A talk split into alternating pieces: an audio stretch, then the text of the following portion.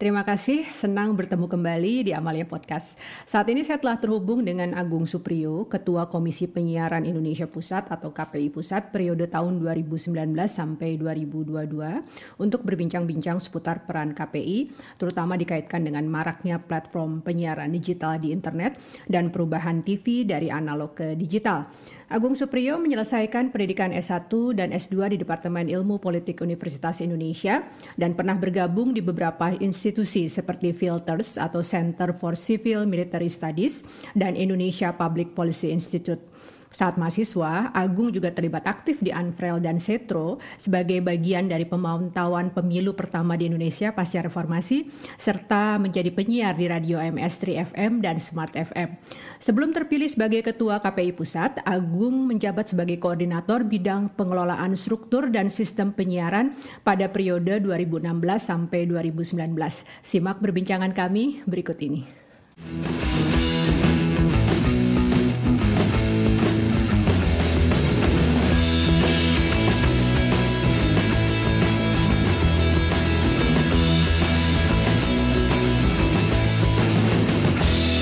Aduh sebelumnya senang sekali Mas Agung sudah menyempatkan hadir di podcast saya untuk berbincang-bincang tentang aktivitas Mas Agung di KPI.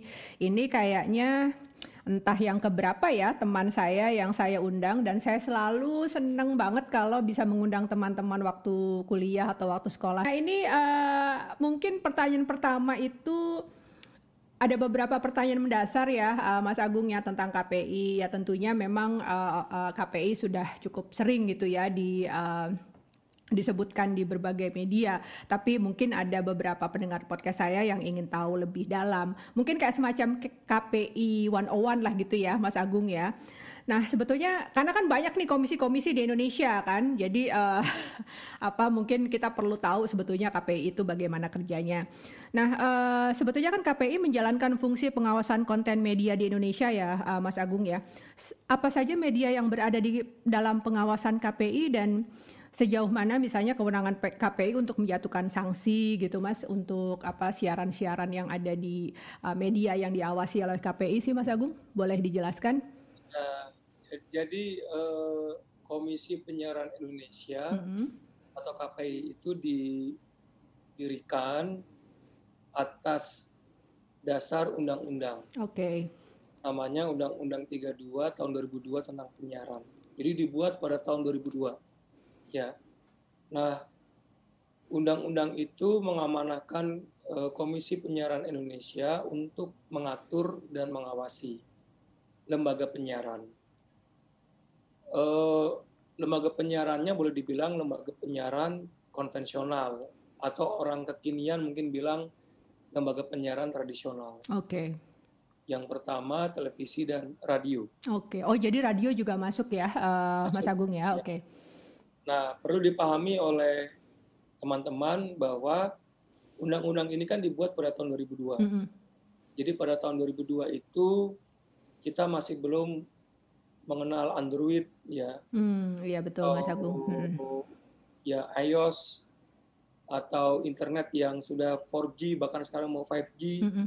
Dulu mungkin baru 2G atau 3G ya. Iya. Yeah. Jadi perkembangan internet belum sepesat sekarang dan uh, eh, TV masih menjadi uh, satu-satunya boleh dikatakan Betul. media yang punya pengaruh yang besar sangat ya? besar mm untuk masyarakat ya jadi kalau TV itu bilang A ya semuanya bilang A. Mm-hmm. Nah ini kan penting. Kalau anak fisik belajar, TV itu merupakan agen sosialisasi dan yeah. radio ya. Tapi terutama TV yang paling punya pengaruh yang sangat besar buat masyarakat. Nah, jadi hanya TV dan radio. Mm-hmm. Walaupun di Undang-Undang 32 itu ada frase media lainnya okay. yang di uh, harus juga diatur dan diawasi oleh KPI. Eh, saya sempat berdiskusi dengan anggota DPR. Mm -hmm. uh, menurutnya media lainnya itu bisa masuk di dalamnya adalah internet. Oke. Okay. Ya kayak Netflix, YouTube misalnya. Mm -hmm. Namun kalau kita melihat perkembangan terakhir, judicial review yang dimintakan oleh uh, penggugat mm -hmm. MNC dan RCTI dan iNews itu yang meminta agar media baru itu dimasukkan sebagai penyiaran itu kandas di Mahkamah Konstitusi. Iya, betul, Abu. Ya. Artinya memang kalau kita lengkapi dengan tafsir dari MK, maka Undang-Undang 32 hanya memberikan kewenangan kepada KPI untuk mengawasi TV dan radio. Oke. Okay. Uh, jelas ya? Ya, oke, okay. ya jelas, jelas. Terima kasih Mas Agung. Ya. Nah, soalnya di sini internetnya agak agak agak ini apa lambat ini. Oke, okay. enggak ini bagus banget. Terdengar Oke, okay, bagus okay. banget kok di sini uh, bisa bisa ter ya. apa ditangkap dengan bagus di sini. Nah, kemudian uh, nah ini kan juga berarti ada fungsi pengawasan. Nah, kalau pengawasan kemudian yang diawasi itu misalnya melakukan kesalahan kan biasanya ditegur ya, Mas Agung ya atau diberi sanksi. Ya. Nah, sejauh ini bagaimana sih Mas Agung uh, apa ya uh, kewenangan KPI untuk menjatuhkan sanksi ini atau peringatan dan tingkat kepatuhannya sejauh mana nih media-media yang diberi peringatan tersebut? Ya. Jadi KPI itu di dalam kerjanya diberikan mm-hmm. kewenangan juga oleh mm-hmm. undang-undang untuk membuat uh, namanya di undang-undang itu P3 dan SPS. Oke. Okay. P3 itu pedoman perilaku penyiaran dan standar program siaran.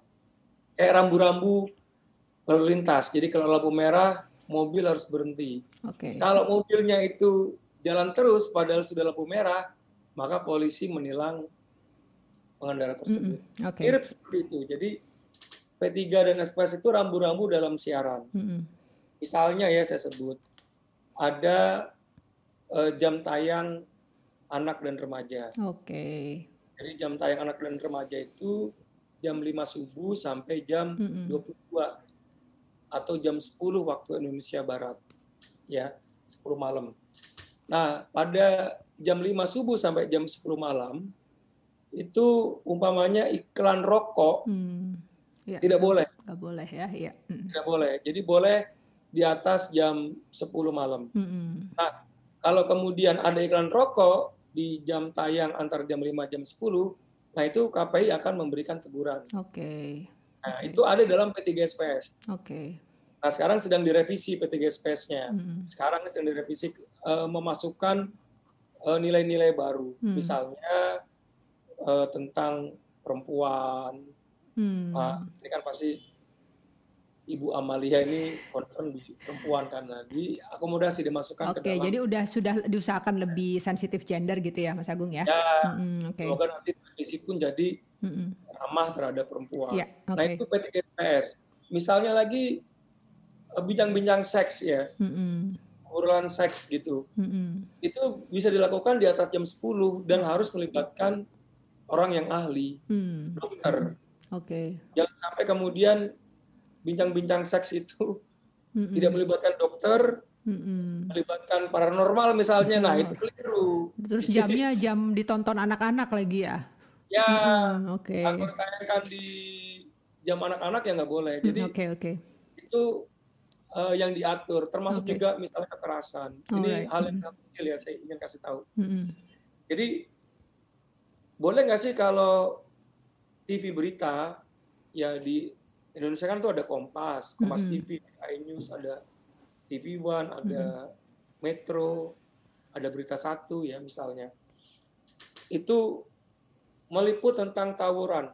Hmm. Ya boleh. Cuma itu kan fakta yang harus diberitakan. Betul. Cuma cara penyampaiannya itu harus hati-hati. I see, oke. Okay. Ya, jadi misalnya mengambilnya itu harus zoom nggak boleh deket hmm. jauh lalu kemudian durasinya nggak boleh lama. Oke. Okay. Kenapa? Karena itu bisa ditiru oleh penonton. Betul betul. Hmm. hmm, hmm. Nah ini ini contoh yang diatur di dalam hmm. P3SPS. Okay. Nah nanti kalau Mbak Amal ke sini saya kasih bukunya. Siap siap. Oke okay. oke. Okay. Oke, terima kasih atas penjelasannya Mas Agung. Uh, nah, ini tadi Mas Agung tadi sudah menyinggung ya tentang uh, nilai gitu yang berusaha diatur ya oleh KPI khususnya misalnya tadi tentang pornografi kan kemudian juga tentang kekerasan dan mungkin ada aspek lainnya nah Tapi kan kadang suka ada perdebatan nih, ada diskurs ya Mas Agung ya antara freedom of expression gitu kan, freedom of speech gitu ya dengan nilai-nilai yang uh, apa berusaha di apa ya uh, itu tadi berusaha di berusaha dibuat untuk sebetulnya melindungi masyarakat juga gitu. Atau misal, misalnya pernah saya baca berita tentang apa ya waktu itu kayaknya sempat jadi polemik tuh pelarangan apa film anak-anak uh, uh, apa Square uh, apa Bob kok saya lupa. Oh. Ya itu ya seperti itu gitu kan. Apa misalnya relevansinya terhadap nilai-nilai tersebut atau ya itu tadi ya misalnya adegan-adegan misalnya Netflix misalnya kan karena kan itu adalah uh, sebuah streaming ya dari dari luar negeri di mana mungkin proses sensornya tidak mengikuti proses yang uh, dilakukan di Indonesia. Nah, Mas Agung sendiri melihat gimana nih Mas antara tuntutan atau ya peran yang dijalankan KPI untuk melindungi masyarakat gitu ya terhadap nilai apa untuk menjaga nilai-nilai ini tapi juga dengan uh, di sisi lain tuntutan uh, kelompok lain juga gitu untuk tetap menjaga uh, kebebasan berekspresi atau kebebasan berbicara gitu di Indonesia ini Mas. Ya, ini menarik ya. Mm -hmm. Jadi saya ingin uh, dudukan hal ini dengan tempat yang sebenarnya. Aduh bahasanya tuh mm -hmm apa ya yang jelas lah di Amerika sendiri yang negara yang dianggap sebagai kampion liberal itu ada tujuh kata yang tidak boleh muncul di layar kaca okay. di Twitter itu clear banget mm -hmm. di Eropa nggak boleh ada sikap rasis mm -hmm.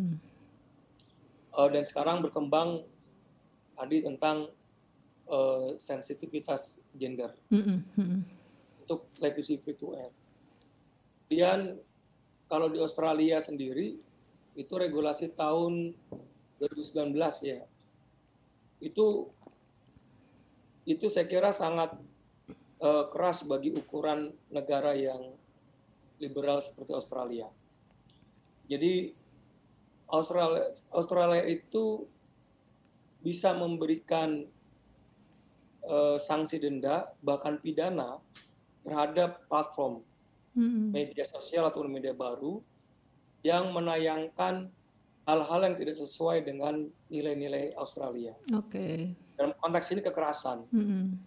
Nah, regulasi itu dibuat uh, dengan cepat waktu itu ya, terjadi penembakan oleh warga New Zealand di rumah ibadah.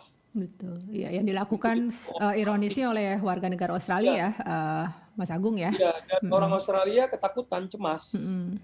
Itu di New Zealand dan pemerintah Australia kan nggak mungkin bisa menangkap warga negara New Zealand yang melakukan tindak pidana di New Zealand kan begitu. Tapi karena itu Facebook Live, jadi disiarkan di Facebook TV, iya, iya. Uh. orang bisa melihat semua, termasuk Betul. di Australia. Betul. Nah, muncullah regulasi itu tadi. Hmm. Jadi kalau media sosial, media baru tidak segera men-take down kontennya dalam periode tertentu, mm-hmm. Maka dia kena sanksi denda dan pidana. Oke. Okay. Itu pejabat media barunya, pejabat media sosialnya, mm-hmm. bukan orang yang membuat akun. Oke. Okay. Kalau di Indonesia orang yang membuat yang punya akun dan kemudian menyebarkan konten pornografi itu kan di bisa kena pidana. Tapi kalau di Australia itu pejabat media baru atau media sosialnya. Oke. Okay. Itu tahun 2019. Oke. Okay. Jadi kalau kita bandingkan antar negara, ya masing-masing negara juga punya uh, kekhususan. Tadi Amerika tujuh kata yang dilarang, mm -hmm. Australia yang sangat keras, Eropa mm -hmm. rasisme dan sekarang uh, sensitivitas gender pun masuk. Mm -hmm. Jadi apa tuh namanya luar biasa. Bagaimana dengan Indonesia? Nah, sekarang kita ambil kasus yang tadi Anda bilang tentang SpongeBob kartun.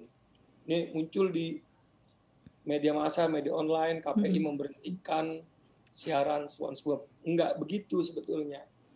Ya. Jadi eh, film animasi SpongeBob itu bagus. Bagus banget. Yang ada kap apa tuh namanya? ada kepiting ya. Patrick, Patrick sama apa Mr. Crab ya. Baru inget saya Crab. ya, oke. Okay. Dan bahasa-bahasanya juga bagus ya. Mm -hmm. uh, sangat uh, filosofis juga sangat mm -hmm. uh, sangat bijak gitu kalau saya melihat. Nah, di TV itu ditayangkan SpongeBob. Cuma itu terjadi uh, ada banyak sequel, bukan hanya SpongeBob aja, hmm. tapi ada waktu itu kelinci yang rabbit rabbit hmm. invasion kalau salah, yang kelinci main petung-petungan itu. Hmm. Pokoknya kartun tapi isinya kekerasan. Oke. Okay. Kartun. Bukan SpongeBobnya bukan cuma nama program siarannya SpongeBob. Mm-hmm. Kita kan menegur program siarannya. Oke. Okay. Bukan sequel di dalamnya itu gitu. Nah, akhirnya SpongeBob kita tegur kita berikan teguran program siaran itu. Jadi yang ditegur itu apa apanya nih Mas Agung? Maksudnya uh, yang penayangnya itu stasiun televisi yang menayangkan atau oh, televisinya. Oke, okay, ya. Stasiun televisinya. Jadi mm -hmm. kami tegur bukan artisnya bukan, mm -hmm. tapi stasiun televisinya. Oke. Okay. Kami tegur agar hati-hati dalam menayangkan uh, ya menayangkan kartun mm -hmm. karena mm -hmm. tidak semua kartun itu ramah anak. Betul. Mm -hmm. nah, apalagi kartun itu lebih mudah ditiru oleh anak. Mm -hmm. Coba deh, anak saya itu umur 4 tahun itu udah TikTok banget. Oh, saya juga bingung deh kata-katanya tuh kadang-kala ini kata-kata dewasa. Iya, betul, betul. Terakhir dia bilang, Papa kapan nikahin aku? Umur 4 tahun. Nikahin kamu mau nikahin sama siapa kamu? Oke, oke, oke. Sebagai orang tua saya merasakan jadi hmm. ya kartun ini berpotensi ditiru oleh anak. Oleh karena itu kita sanksi hmm. televisinya kita berikan teguran agar hati-hati dalam menayangkan film kartun. Okay. Semua aman tapi sequelnya itu kan yang linci itu. Okay, yang okay. judulnya Rabbit Machine kalau nggak salah. Mm -hmm. Nah, eh, di Amerika itu juga ada ini loh perdebatan juga tentang kartun omongannya tuh dewasa banget. Dewasa itu artinya ada pornografi. Mm-hmm. Tapi kartun mm-hmm. itu aku lupa itu namanya tuh yang Simpson, Bart Simpson. Simpson ya. mm-hmm. uh, akhirnya tidak boleh tayang pada jam anak. Okay. Ini kalau kita bicara free to air bukan bicara YouTube ya. Mm-hmm. YouTube kan uh, kapan pun kamu bisa akses. Iya gitu. betul betul sekali Mas Agung. Ya, uh.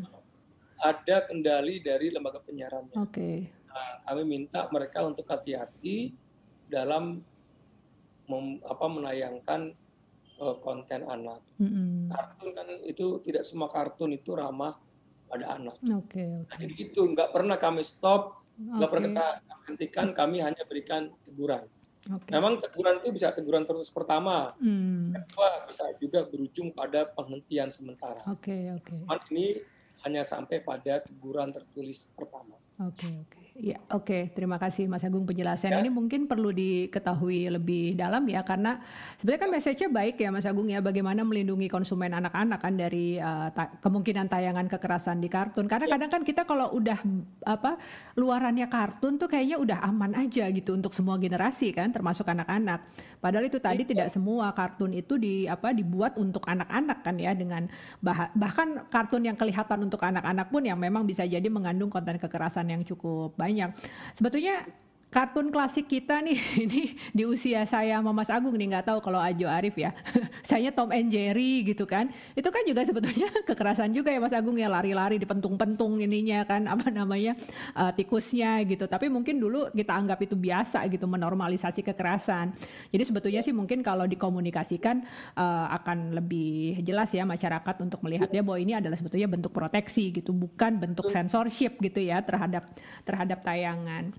Oke, uh, terima kasih penjelasannya dan tadi Mas Agung juga udah sempat singgung nih tentang uh, bagaimana sekarang platform apa internet itu menjadi apa sangat marak ya. Mungkin sudah mulai menyaingi televisi nih Mas Agung ya. Kalau saya di sini akhirnya kan menggantungkan pada streaming internet nih kalau mau lihat TV-TV Indonesia kan gitu ya.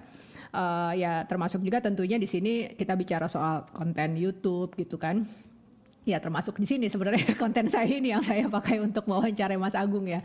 Luar biasa perkembangannya kan. Nah itu tadi Mas Agung sampaikan bahwa permohonan judicial review ini untuk undang-undang penyiaran ditolak oleh MK untuk memasukkan uh, apa platform baru inilah gitu ya ke dalam regulasi. Oke lah keputusannya akhirnya sudah dikeluarkan. Tapi kalau pendapat pribadi Mas Agung sendiri gimana sih Mas melihat hal ini? Apakah memang perlu ada regulasi gitu untuk media-media baru ini seperti internet atau sebetulnya sudah di diakomodasi oleh undang-undang yang lain. Ini kan uh, pertentangan klasik sebetulnya mm -hmm. antara kebebasan berekspresi dengan nilai-nilai di suatu negara. Mm -hmm. Kan selalu seperti itu tadi tadi Mbak Amal juga katakan itu sama dilemanya seperti itu. Nah, kita coba pengalaman di berbagai negara. Uh, di Thailand diatur. Jadi penyiaran masuk di dalamnya juga media baru. Diatur okay. oleh satu lembaga mm -hmm. yang sama. Jadi KPI-nya Thailand lah kira-kira begitu. Di Turki diatur oleh Turki. Mm -hmm. uh, media baru juga diatur oleh Turki. Uh, jadi televisi dan media baru itu sama diatur oleh KPI Turki. Ini kalau kita bicara Turki. Tapi memang di beberapa negara itu terpisah. Mm -hmm jadi ada KPI, ada lembaga yang mengurusi internet. Karena begitu. Nah, ingin saya garis sama di Australia kan uh, ada juga tadi undang-undang regulasi mengatur media baru. Internet ya, yang media baru betul. Hmm. Bukan negara seperti Australia.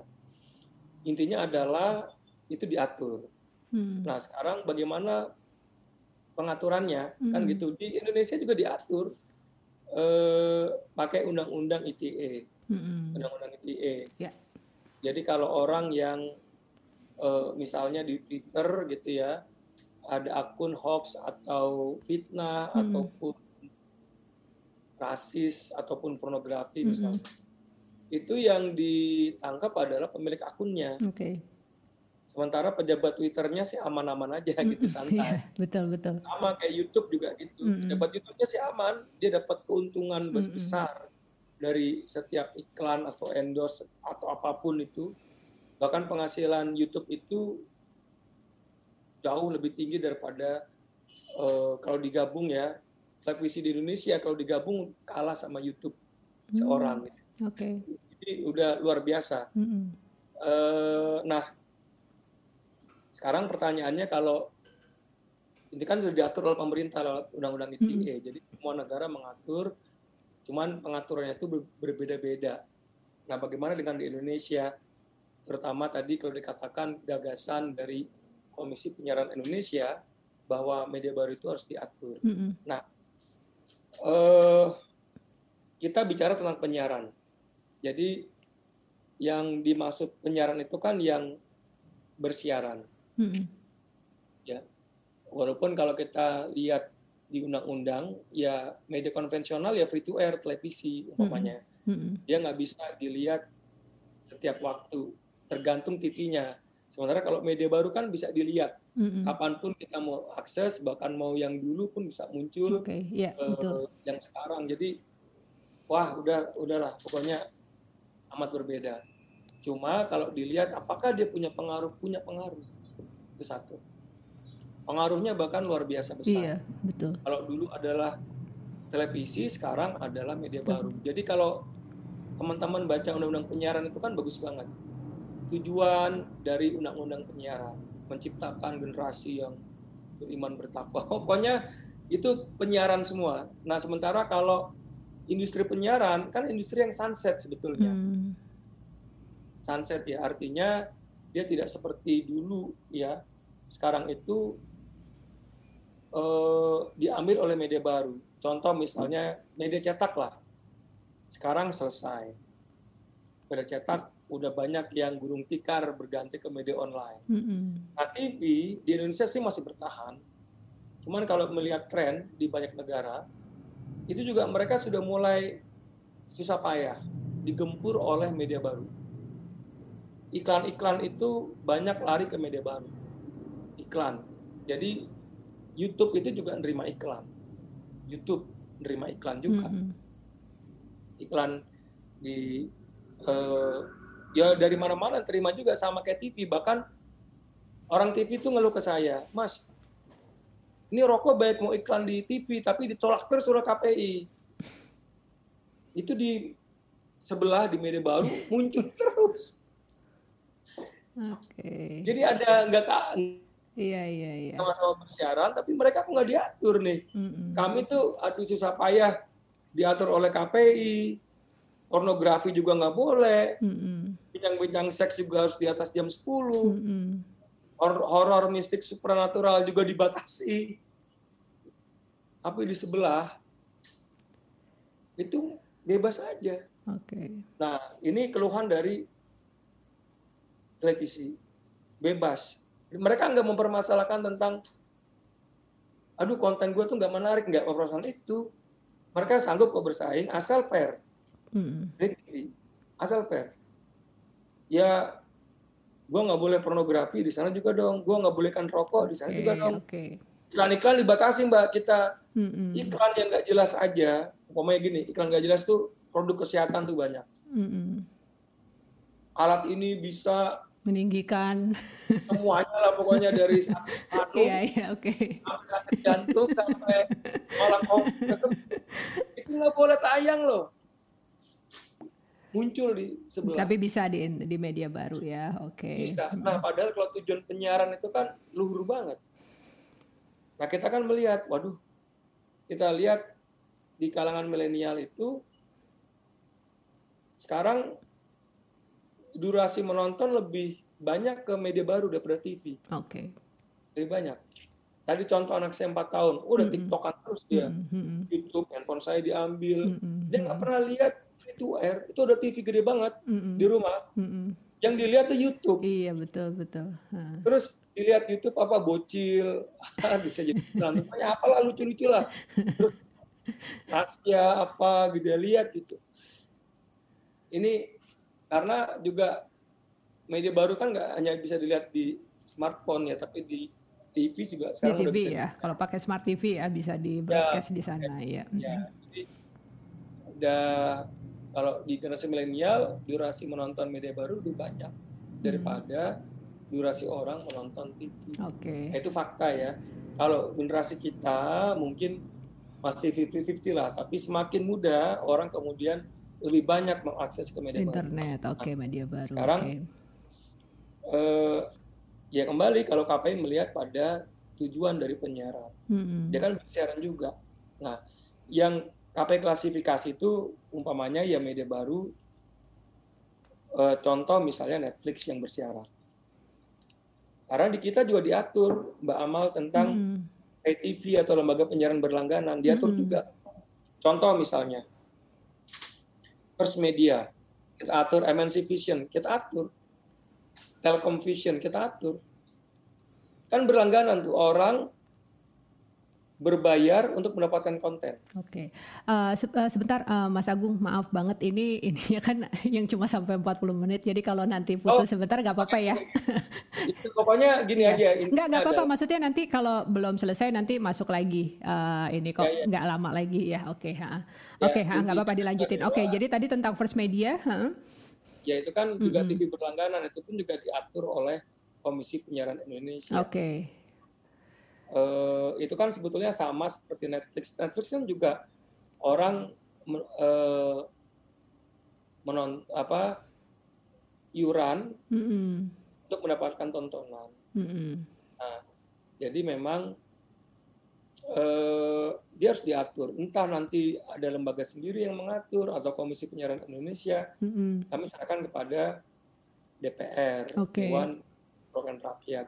Yang jelas memang Oke, okay, uh, eh, tadi sedikit untuk mengulang poinnya Mas Agung ya. Jadi bahwa Mas Agung sendiri merasa bahwa memang sebetulnya media baru ini perlu ada regulasi atau uh, berada di bawah wadah eh, tersendiri ya, Mas Agung ya. Entah atau entah itu bisa bergabung di KPI atau yang lainnya. Karena memang uh, banyak hal yang uh, perlu juga untuk diatur dari media baru ini, gitu ya, Mas Agung ya. Yes. Oke. Okay. Yes. Jadi UU ITE pun tidak cukup untuk mengatur itu ya, Mas? Kalau undang-undang ITE itu kan hanya mengatur konten ya. akunnya, bukan okay. kontennya. Jadi kalau okay. misalnya ada Anda YouTuber buat buat konten uh, pornografi misalnya, hmm. ya itu yang kena adalah pemilik akunnya, okay. atau kemudian youtubernya ya, atau hmm. kemudian menaikkan konten kekerasan youtubernya. Tapi YouTube-nya nggak nggak kena, oke. Okay. ini beda banget kayak di Australia. Australia itu bahkan harus punya uh, perwakilan di Australia. Nah betul betul. Nah, pidana dan denda itu perwakilannya. Nah ya kan kami berharap seperti itu. Jadi ada semacam uh, kayak equal treatment dengan televisi. Kalau televisi pakai undang-undang penyiaran yang kita tegur televisinya, bukan artisnya. Lembaga penyiarannya kita tegur. Okay. Nah kalau memakai rezim penyiaran, maka yang kena itu ya pejabat platformnya tersebut. Okay. Kan bukan youtubernya nih kalau YouTube misalnya. Jadi harus saya pikir harus ada pengaturan dan kalau dibilang apakah pengaturannya rigid ya nggak juga. Mm -mm. di banyak negara juga diatur dan nah toh e, berjalan apa namanya seperti apa adanya begitu ya mungkin ada pengaturan yang lebih ketat ketat terhadap isu-isu tertentu. Oke, oke. Ya, terima kasih penjelasannya Mas Agung. Saya pikir juga ini poin yang baik ya. Jadi bahwa yang di bukan dibidik lah, maksudnya yang memang kemudian ingin dikelola, ditata kelola lebih bijaksana itu adalah ownernya kan, pemilik media, raksasa medianya itu sendiri gitu. Bukan ya. individu-individu yang berusaha membuat konten kreatif di media baru ini gitu ya. kan ya. Maksudnya kalau oke okay, sebetulnya betul betul. Iya, oke. Oke. Oke karena sebenarnya uh, pembuat konten ini pun juga harus punya tanggung jawab sih terhadap kontennya masing-masing ya. Dan itu sudah bisa di, sudah ada diatur di UITE tapi untuk ya apa ya ya itu tadi ya teguran untuk pemilik modal gitu ya untuk yang memiliki usaha ini juga tentunya perlu untuk juga membangun uh, apa sih semacam awareness gitu kan terhadap ya, ya di Eropa itu uh, ada regulasi di Eropa mengatur tentang uh, TV streaming seperti Netflix. Oke, okay, TV streaming, oke. Okay. Hmm. 30% konten di katalog uh, videonya Netflix itu harus konten Eropa. Hmm, I see. Makanya okay. banyak Netflix original. Oke, okay, oke. Okay. Eropa. Oke. Okay. Itu kan strategi kebudayaan. Betul, Kita betul. Ingin 30% konten. 30% persen ya, oke okay, oke. Okay. Ya, kontennya coba konten Indonesia. Uh -uh. Ya mungkin ini bisa menumbuh kembangkan betul betul Indonesia. Iya iya. Nah, itu se sebagai contoh regulasi. Kalau kita bicara kebudayaan, kita kan ingin juga agar konten-konten kita juga terbaik betul, juga. Betul, Bagian dari kita soal leverage soft power kita ya Mas Agung ya, lewat ya, film-film ya, berkualitas gitu ya, lewat Netflix. Ya, mm -hmm. Selain selain bisa menumbuh kembangkan industri kreatif kan juga tayangan kita tontonan apa konten-konten kita juga bisa dinikmati oleh mereka yang berlangganan TV streaming di luar. Betul, kan betul. Itu Iya. Nah, itu harapan saya di luar negeri sudah begitu. Mm-hmm. 30% konten TV streaming itu mesti berasal dari Oke, okay. oke. Okay. Sudah mulai ada sih produksi Netflix Indonesia, tapi tentunya ya. mungkin perlu lebih, lebih, lebih diperbanyak dan ya, ya uh, oke, okay. ya, ya, saya dukung uh, Mas Agung. Terima kasih. Oke, nah ini yang terakhir nih Mas, saya sering lihat nih di media sosialnya atau di website apa di KPI gitu ya. Uh, tadi apa sangat sedang dipromosikan perubahan dari TV analog ke digital nih. Jujur aja saya juga udah udah saya termasuk yang udah lumayan jarang sih lihat TV waktu lagi di Indonesia nih ngaku aja di Mas Agung ya. Tapi masih sih lah saya lihat TV berita itu masih gitu. Tapi kan biasanya lewat televisi kabel ya Mas Agung ya. Jadi gambarnya sih oke-oke aja gitu kan. Cuma memang pernah lah gitu kadang saya ada bisa di rumah orang tua gitu kan uh, di kamar yang satu gitu masih pakai antena itu kan waduh gambarnya luar biasa gitu ya. Masih apa masih kayak zaman dulu deh kadang gitu. Nah, apakah ini yang sebetulnya dimaksudkan gitu untuk uh, perbaikan kualitas apa gambar gitu ya dari program ini dan karena kelihatannya KPI sangat uh, mendorong program digitalisasi ini Mas Agung. Jadi apa arti pentingnya ya. dari perubahan ke digital ini sih Mas Agung untuk uh, dunia penyiaran khususnya televisi di Indonesia? Pentingnya, mm -hmm. banyak pentingnya. Yang satu tadi Mbak Amal sudah sebutkan bahwa uh, TV tayangannya itu bisa lebih bagus kualitasnya ya. Bagus, hmm Uh, kalau sekarang kan kalau kita punya TV tapi nggak berlangganan, nggak mm -hmm. berlangganan ya, itu nggak bisa dilihat tuh semut semua tuh. Iya. semut. Waduh, pokoknya nggak nikmat banget deh. Nah, kalau kita berlangganan, berbayar tiap bulan baru jernih mm -hmm. kan gitu. Mm -hmm. Nah, kalau kita pakai digital, nggak berlangganan pun sudah bersih. Oke. Okay. Sudah bersih. Nah, ini bukan hanya kita bicara tentang TV. Tadi kan disebut smart TV. Memang sekarang itu udah smart TV. Jadi kalau smart TV kita nggak perlu lagi beli alat untuk menjadikan TV kita digital. Ya, e, kalau TV kita analog masih zaman dulu, masih tabung misalnya ataupun flat tapi belum hybrid, belum smart gitu ya. Mm-hmm. Flat itu harus pakai namanya set-top box mm-hmm. atau decoder agar bisa menikmati tayangan digital. Nah, set-top boxnya itu beli sekali seumur hidup, mm. nggak perlu berangganan. Harganya murah kalau di marketplace cuma 125 ribu. Oke. Okay. dapat. Nah, itu kalau kita bicara TV-nya. Nah, sekarang bicara, bicara frekuensi. Kalau kita udah punya TV digital, tapi TV-TV analog tadi free to air kayak Indosiar, SCTV, mm-hmm. ANTV, TV One, Metro, Kompas, Trans TV, Trans 7, wah semuanya lah. Itu masih analog dia, maka TV digital kita nggak bisa melihat free to air kosong. Hmm. Memang dia harus pindah ke frekuensi digital. Oke, okay, oke. Okay. Nah itu makanya dia harus pindah. Hmm. KPI mendukung banget agar TV-TV free to air ini pindah ke digital agar ya tayangan tadi lebih jernih. Sekarang apalagi kalau kita main-main ke Jakarta nih ke toko-toko elektronik beli TV pasti TV-nya udah digital semua. Mm -hmm. Nah kalau kita beli TV digital kok nggak ada tayangannya kan kacau gitu yeah, iya, makanya yeah. Uh, ya kita harus inilah sesuai dengan perkembangan zaman. Mm -hmm. Itu yang pertama. Mm -hmm. Ya. Yang kedua ini orang yang baik belum tahu. Tapi saya sampaikan aja deh. Mm -hmm. Ya. Di Australia sudah 5G belum, Mbak? 5G internetnya. Apa? 4G? 5G. 5 iya, sudah 5G ya. Sudah 5G kan? Mm -hmm. Di Australia. Di semua negara, banyak negara sudah 5G. Dan kalau 5G itu teknologinya canggih banget. Nggak kita gini nih, kalau saya di sini 5G, mm -hmm. itu udah kayak video tampilan saya dengan Mbak mm -hmm. dan Mbak Amal ini. Nggak patah-patah. Mm -hmm. nah, itu luar biasa kalau kita pakai 5G. Nah, kenapa Indonesia masih 4G? Kenapa coba? Saya tuh ke toko-toko handphone 5G, 5G nggak bisa dipakai di Indonesia. Hmm, okay. Apa yang beli 5G nggak bisa dipakai?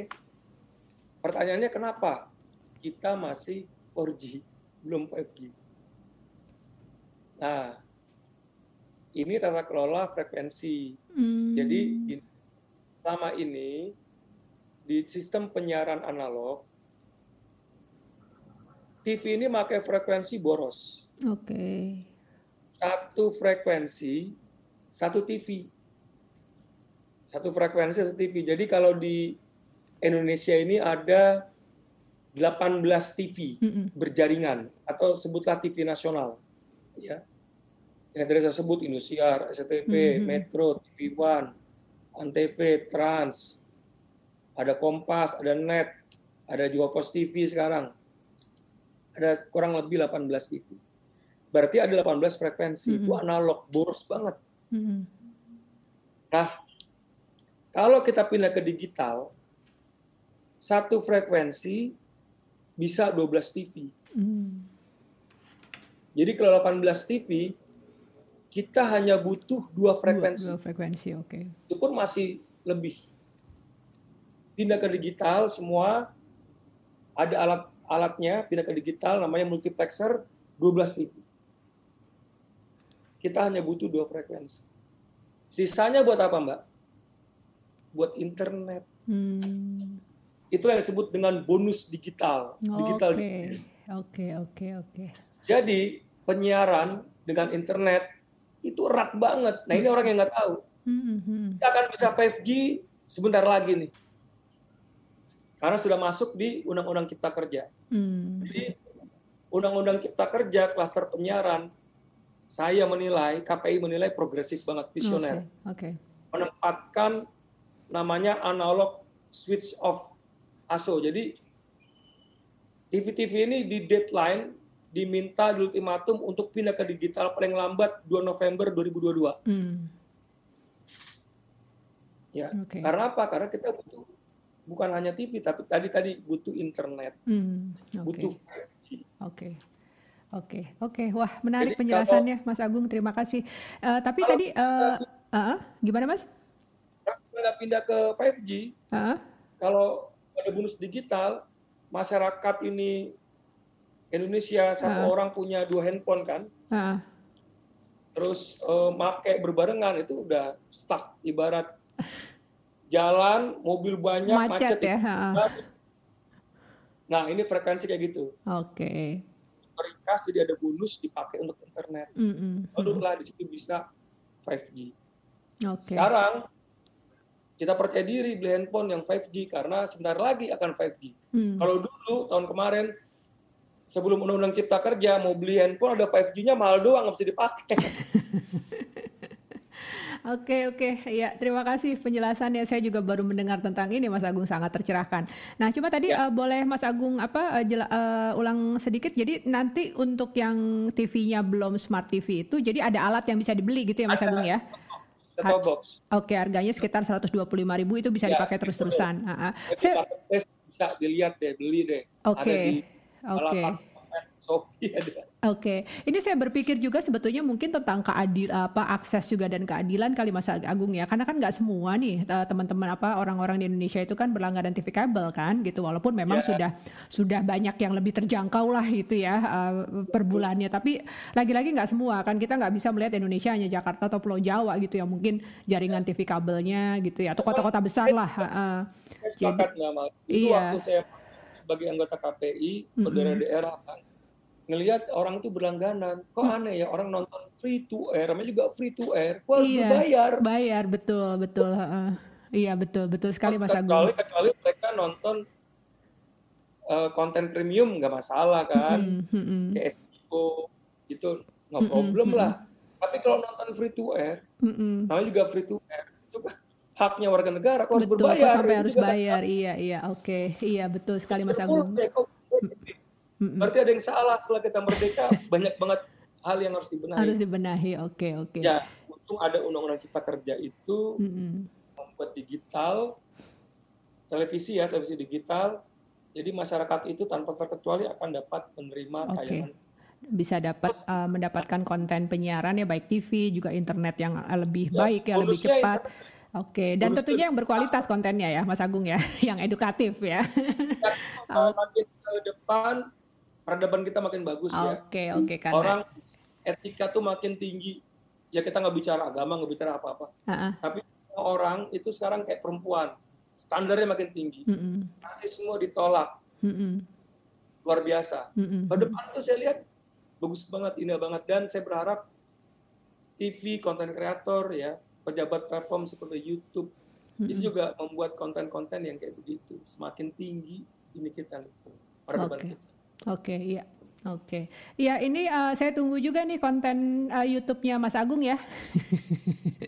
ya Sebagai ini apa uh, juga yang semangat sama konten digital kayaknya perlu nih ada konten apa YouTube channel Agung Supriyo nih supaya bisa lihat aktivitas KPI ya.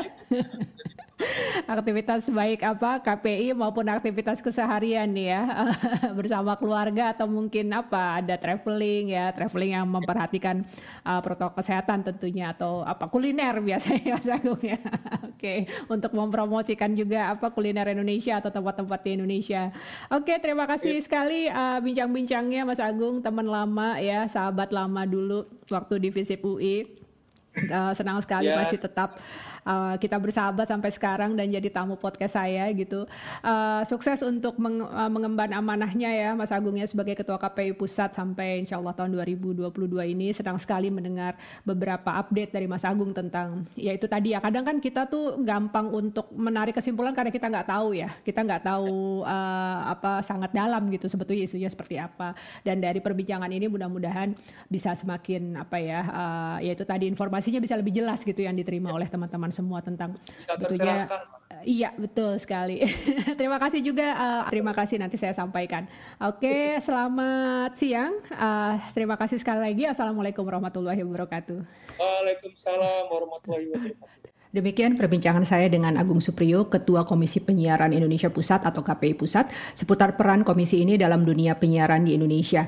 Terima kasih telah menyimak Amalia Podcast. Subscribe channel ini untuk mendapatkan update episode baru dan menarik lainnya. Tetap sehat dan tetap semangat.